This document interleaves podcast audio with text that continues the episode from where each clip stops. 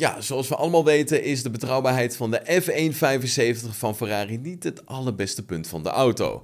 Zowel Charles Leclerc als Carlos Sainz vielen al meerdere keren uit dit seizoen met motorproblemen. En voor de laatstgenoemde coureur kwam de uitvalbeurt in Oostenrijk dan ook wel echt als een domper.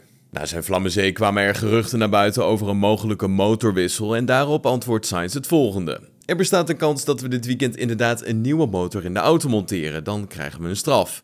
Er is echter nog geen definitieve beslissing genomen. Aldus Carlos Sainz. Ja, zoals bekend is de geliefde Grand Prix van België al enige tijd onderwerp van gesprek.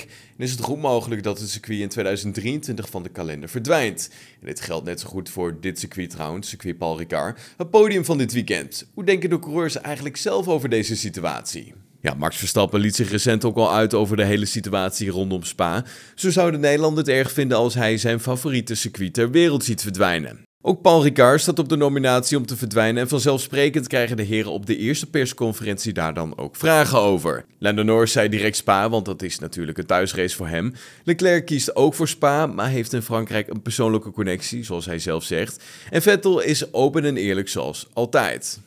Spa. Ik denk niet dat veel coureurs een groot fan zijn van deze baan. De fans zijn wel een positieve verrassing. Het is erg jammer om dit circuit te verliezen, maar misschien kunnen we naar wat oudere circuits gaan. Bijvoorbeeld Le Mans of Dijon, al dus Sebastian Vettel.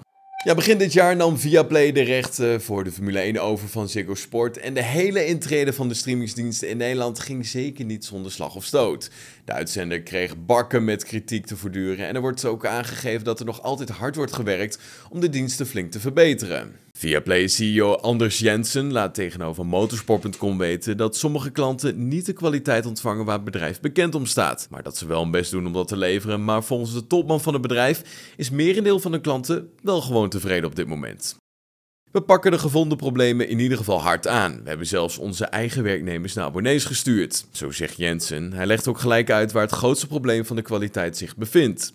Het heeft meestal te maken met het streamen naar een grote televisiescherm. Het streamen op kleine apparaten, zoals tablets of telefoons, is dus niet het probleem. Het is dus het casten naar een grote toestel. Daar zijn we op dit moment mee bezig. Het is een vrij kleine groep klanten die je luid hoort, maar dat mag ook en dat hoort ook zo. Ook zij mogen van ons de best mogelijke service verwachten. Ja, we nog even snel het tijdenschema met jullie door. De eerste vrije training begint om 2 uur in de middag morgen en de tweede oefensessie begint om 5 uur. Op zaterdag krijgen de coureurs de gelegenheid om nog één keer te oefenen tijdens de derde vrije training om 1 uur in de middag. En om 4 uur kunnen we ons gaan opmaken voor de kwalificatie. De race, de Grand Prix van Frankrijk, begint zondag om 3 uur in de middag.